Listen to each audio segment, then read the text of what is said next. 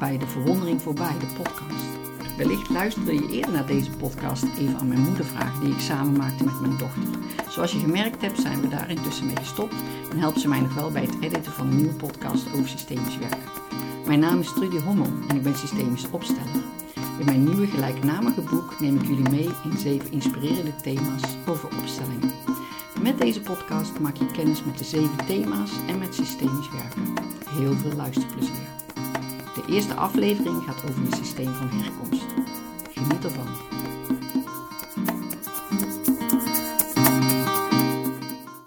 Je systeem van herkomst. Wat is je systeem van herkomst? Het systeem van herkomst is de man en de vrouw, de vader en de moeder die jou hebben voortgebracht. Ehm, en alles wat daarachter al eerder was. Dus de vaders en de moeders van je vader en je moeder. Tot aan het uh, oneindig in de stamboom zou ik bijna willen zeggen. Je oorsprong kan ook een ander land van herkomst zijn. Als mensen voor een consult bij mij komen of in de groepsworkshops, dan begin ik altijd met een geleide meditatie. En de geleide meditatie gaat als volgt. Zorg dat je lekker op mijn stoel zit, voel je voeten op de grond, je rug tegen de leuning van mijn stoel en adem een keer goed in door je neus. Eventjes vasthouden, dan adem je uit door je mond en dan land je in de ruimte. Dan mag je nog een keer door je neus inademen. Eventjes vasthouden.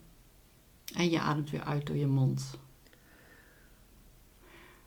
En dan wil ik je voorstellen dat je op een plaats achter je rechterschouder, op een plek die vanzelf helder wordt, een plaatsje vindt voor je vader. Achter je rechterschouder is de plaats van je vader. En het wordt vanzelf helder of die heel dichtbij staat of heel ver af. Of jij een vader hebt die naar je staat te kijken of die met zijn eigen dingetjes bezig is. En de oefening gaat over waarnemen, dus je hoeft niets te veranderen. Kijk maar gewoon waar hij zich, waar de, waar de plek is van hem, in jouw gedachten. En terwijl je gewoon naar je buik blijft ademen en je voet op de grond voelt, nodig ik je uit om achter de linkerschouder, achter je linkerschouder, een plekje te vinden voor je moeder. En ook hier wordt vanzelf helder, terwijl jij rustig naar je buik blijft ademen, waar zij haar plekje vindt. En je kunt zo stiekem een beetje voelen of deze mensen die achter jou staan, jouw vader en jouw moeder, of ze elkaar zien, elkaar kunnen aankijken, of dat ze ieder in hun eigen bubbel staan, achter jou op hun eigen plek. En dan nodig ik je uit om te voelen dat jij in de driehoek die we in gedachten maken het kind bent.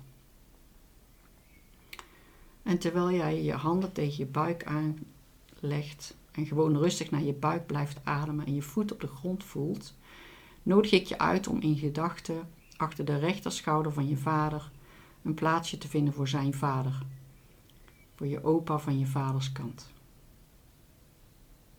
En de oefening blijft gaan over waarnemen.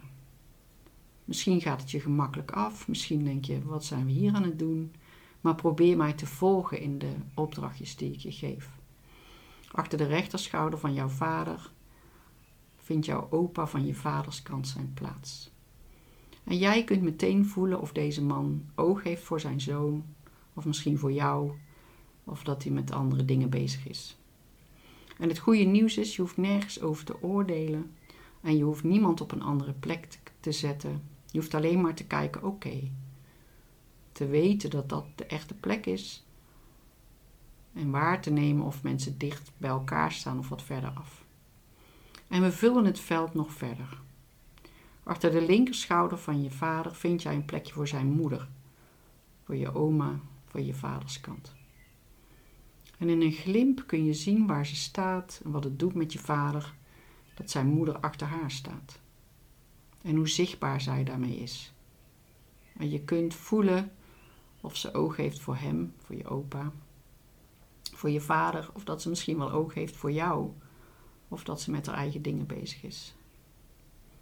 En heel langzaam maken wij een grotere driehoek waarin jij het kind en het kleinkind bent. Jij op jouw plaats en het systeem achter jou, jouw systeem van herkomst, waarin iedereen zijn eigen plek heeft. En achter de rechterschouder van jouw moeder vind jij een plaatsje voor haar vader, voor je opa van je moederskant. En je ziet meteen, terwijl jij je voeten op de grond voelt en je rug tegen de leuning, wat het doet met jouw moeder dat haar vader achter haar staat. En je ziet meteen wat het doet met haar. En je voelt dat je aan het hele beeld niks hoeft te veranderen. Je hoeft alleen maar waar te nemen. Je opa van je moederskant. Haar vader staat achter haar. En aan de andere kant, achter de linkerschouder van jouw moeder, vind jij een plaatsje voor haar moeder. Voor je oma van je moederskant. En je voelt dat het rustig wordt in je hart. Dat je rustig zit op mijn stoel met je voet op de grond en je rug tegen de leuning. En je voelt voor een zo even dat je kind en kleinkind bent. En je voelt je voet op de vloer, je ademt rustig naar je buik. Je bent kind en kleinkind. En in gedachten voel je dat je achter al deze mannen en vrouwen opnieuw vaders en moeders neer kunt zetten. En voor sommige mensen die hier een consult hebben of op mijn workshop komen, staat er aan het eind van die hele rij een ander land van herkomst. Alles op precies de goede plek. En dan wil ik je vragen om een hand op je hart te leggen en een hand op je buik te houden. En is te voelen zo wat deze lijn, deze bloedlijn, jouw oorsprong jou gebracht heeft aan mooie dingen en mooie handvatten waarmee jij jouw leven op een plezierige manier kunt vormgeven. Misschien heb je de creativiteit van een van je oma's. Misschien heb je de mooie blonde krullen van een van je opa's. Misschien heb je de handelsgeest en het ondernemerschap van een van je oma's. Misschien heb je de hang naar wezenlijkheid in je leven van een van de mensen achter jou. En ik zou je willen vragen om een moment de dankbaarheid te voelen in je hart. Dat je deze dingen van hen hebt meegekregen. En dat ze lef hebben gehad om leven door te geven. Dat jij onderdeel uit mag maken van dit systeem. En je ademt naar je buik. Je voelt je hand onder je hart. Je voelt je voet op de grond. Je rug tegen de leuning. En je wordt even stil van binnen. En dan wil ik nog een nieuwe suggestie doen. Ik zou je willen vragen om te beseffen dat de mensen die achter jou staan, of je ze nou kunt zien of voelen of niet, dat er een familiegeschiedenis geschreven is. En dat de positieve dingen, dat waar mijn trots op is, met trots van achter naar voor zijn doorgegeven. En dan zou ik een suggestie willen doen dat er misschien ook wel in het grote familiegeschiedenisboek als dat er zou zijn, dat de verhalen uitgescheurd zijn uit dat grote boek. Omdat er ook dingen in dit systeem zitten waar niemand trots op is of waar niemand het nog over zou willen hebben. Zo om het goed te doen of om het zachter te willen maken, hebben mensen met alle beste bedoelingen, of soms gewoon expres, verhalen uit het boek gehaald. En die hebben ze uitgescheurd, daar hebben ze een propje van gemaakt en die hebben ze in een doosje gedaan. Sommige systemen hebben hele kleine doosjes met verhalen die nooit meer zijn doorgegeven. En sommige systemen hebben een kofferset met verhalen die er steeds meer toe doen, ook al zijn ze eruit gescheurd uit dat familiegeschiedenisboek, maar die niet bewust, die bewust eruit zijn gehaald. Omdat mensen liever niet mee van achter naar voren zouden willen nemen. En wat we doen in dit consult of in deze workshop is dat jij beseft of jij een driedelige kofferset naast je stoel hebt staan of een piepklein doosje. En dat de levensvraag waarmee je bij mij komt misschien wel het antwoord vindt in de verhalen die uit dit familiegeschiedenisboek zijn gescheurd. Want alles wat eruit is gescheurd wil toch geleefd worden, wil gezien worden. En vandaag ben jij hier bij mij voor een consult of voor een workshop. En ik zou je willen vragen om bewust te zijn van hoe groot dan die doos met papieren wel niet is. Of die kofferset. En ik zou je willen vragen dat je met alles wat er is, wat er in en uit die koffers is, of goed of goed bedoeld is verzwegen, dat dat invloed heeft op de vraag die jij hier vandaag meegenomen hebt in contact met mij. En je ademt naar je buik. Je voelt je voeten op de vloer. Je rug tegen de leuning van mijn stoel. Je voelt de rust in je lichaam doordat je ademt naar je buik. En geworteld bent in de ruimte. En dan wil ik je vragen om je ogen open te doen. Dan gaan wij ons opnieuw aan elkaar voorstellen. Ik ben Trudy Hommel, de dochter van Dini Baartmans en Bram Hommel. En wie ben jij? Dit is de basis van het systemisch werk wat ik met iemand mag doen. Buiten dat hij mij rust geeft in de start met het werken met een groep of met individuen, merk ik dat het heel erg veel kracht geeft en heel veel ruimte geeft om met de thema's waarmee iemand bij mij komt te gaan werken. En na deze oefening ehm, komen de thema's vanzelf uh, naar de oppervlakte, waarmee iemand op zoek is naar een antwoord op een uh, levensvraag. Alle vragen die iemand heeft of alle obstakels die iemand ervaart in zijn leven zouden zomaar uit dit systeem van herkomst kunnen komen. En alle antwoorden ook. En daar gaan we samen naar op zoek. Voor sommige mensen is de meditatie echt heel fijn om te doen of makkelijk om te doen, omdat ze iedereen kennen. Maar sommige mensen die bij mij komen, die hebben al lang een opa of een oma of een moeder verloren of hun vaders verloren. Uh, maar het interessante is dat dan toch in het werk wat ik met ze mag doen, uh, de energie van de mensen die overleden zijn gaat niet verloren. Dus iemand die bijvoorbeeld vroeg zijn moeder heeft verloren en een moeder die kunstschilderes was, uh, heb ik wel eens in mijn praktijk gehad. En die had maar één verlangen in haar leven, dat was kunstschilderen. Maar ze was eigenlijk als het kleine meisje in haar was zo boos dat die moeder heel vroeg was overleden. Ze had een heel lieve stiefmoeder, dus zij dacht, ik ga niet schilderen. En uiteindelijk um, ja, was door het schilderen, door wel te gaan schilderen, maakte zij het verlies van haar moeder in haar hart heel erg tastbaar en kon ze dat proces aangaan, een soort uitgestelde rouw. En ze kon natuurlijk prachtig schilderen. In elk systeem van herkomst zijn eigenlijk drie wetten.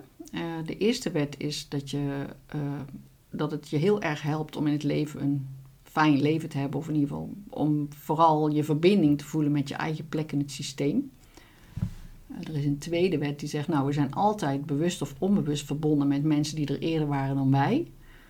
Um, en er is een wet die zegt, er mag balans zijn in nemen en geven eigenlijk is alle, ja, alle vragen waar mensen niet uitkomen, hebben te maken met dat ze onbewust op de stoel van iemand anders zijn gaan zitten. Of dat ze op een onbewust niveau heel erg hun best doen um, in hun gedrag. En dat kan heel heftig zijn. Stel dat je een verslaving hebt en uh, je had ooit een, uh, een opa of een oom die, die dezelfde probleem had, maar daar heeft niemand het meer over. Ja, die, die energie van die mens wil gewoon in het systeem geschreven blijven. Dus dan ben je misschien wel op een onbewust niveau iemand zichtbaar aan het maken in je pijnlijke gedrag, ja, waar niemand het nog over heeft in dat systeem.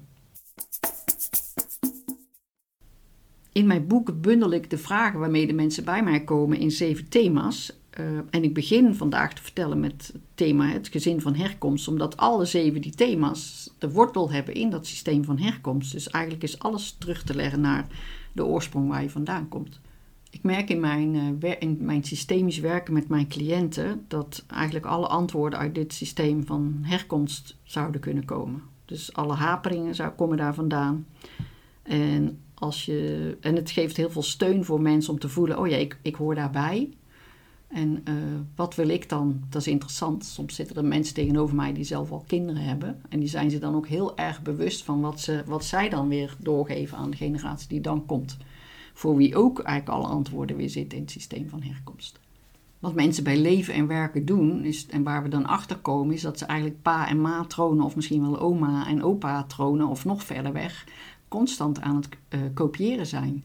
En op het moment dat je daar niet bewust van bent, ja, dan ga je zomaar door met hoe het altijd in het systeem de ongeschreven wet is geweest. Om ja, dingen te verzwijgen of om niet je eigen pad te lopen. Of om vooral rekening te houden met iedereen en jezelf nooit de vraag te stellen: wat wil ik nu eigenlijk? Uh, ik vind het systeem van herkomst wel een mooie basis om vanuit te vertrekken. Het is nooit te laat voor een gelukkige jeugd. Het is interessant dat jeugd, iedereen schrijft zijn eigen geschiedenis en er zitten toppen en dalen in. Maar als je ouder wordt, dat merk ik zelf ook, ga je anders kijken naar hoe het vroeger was en waarom dingen zo zijn gelopen. Als je dat in de context zet van het gezin van herkomst, dan kun je zelf andere keuzes maken. Waardoor er misschien nieuwe patronen komen dan de patronen die tot nog toe steeds gevolgd zijn door iedereen in dat systeem. Je kunt je jeugd en het verhaal wat daarbij hoort niet herschrijven, maar je kunt wel je perceptie veranderen. Waardoor het misschien uh, minder pijnlijk is om er naar te kijken. Ik gun iedereen uh, twee opstellingen in zijn leven. In ieder geval minstens twee. Eén over het gezin van herkomst. Want als je weet wat je plek is en hoe het is gelopen, dan word, word je heel uh, geworteld van. En dan uh, voel je meer kracht op je pad. En je zou, je kunt alles opstellen, maar het tweede is een belangrijk thema om gewoon naar het hier en nu te komen en te kijken wat is er dan voor krachtenveld waarin ik mij beweeg. En wat mag mij bewegen? En ben ik dan vrij in te volgen wat mij beweegt? Of ben ik toch weer een patroon aan het uh, volgen uit mijn systeem van herkomst? Wat alle mensen gemeen hebben volgens mij is dat iedereen ergens bij wil horen.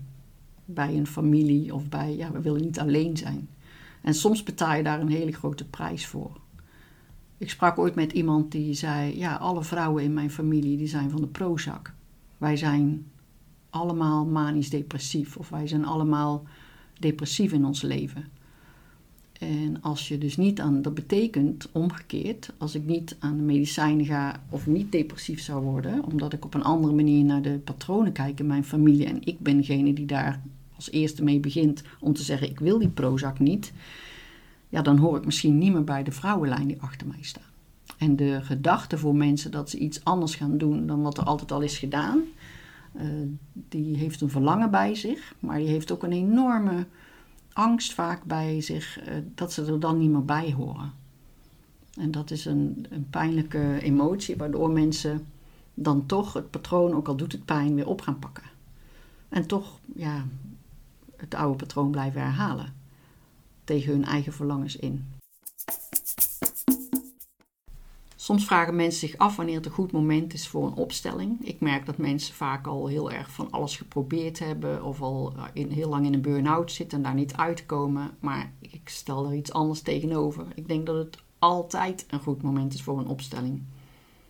Want wat je daaruit kunt halen, dat is zo waardevol en zo eh, ja, levensveranderend ja, dat je eigenlijk bijna met je geboorte twee tickets zou mogen krijgen om eens een goede opsteller te zoeken als je een beetje rijper in het leven bent, om het gewoon te gaan doen. Want je gaat er lichter van lopen en van leven. En dat gun ik echt iedereen.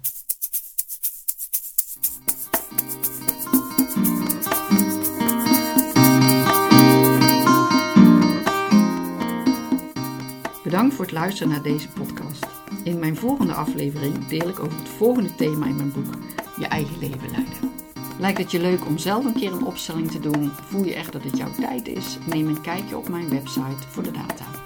Vraag je na het luisteren van deze podcast af of een opstelling iets is voor jou? Neem dan eens een kijkje op mijn website trudyhommel.nl. In de show notes vind je een link waar je mijn boek kunt bestellen en waar je eventueel kunt inschrijven voor de digitale webinar, het boekendoopje, op 18 juli bij Uitgeverij Noorderlicht.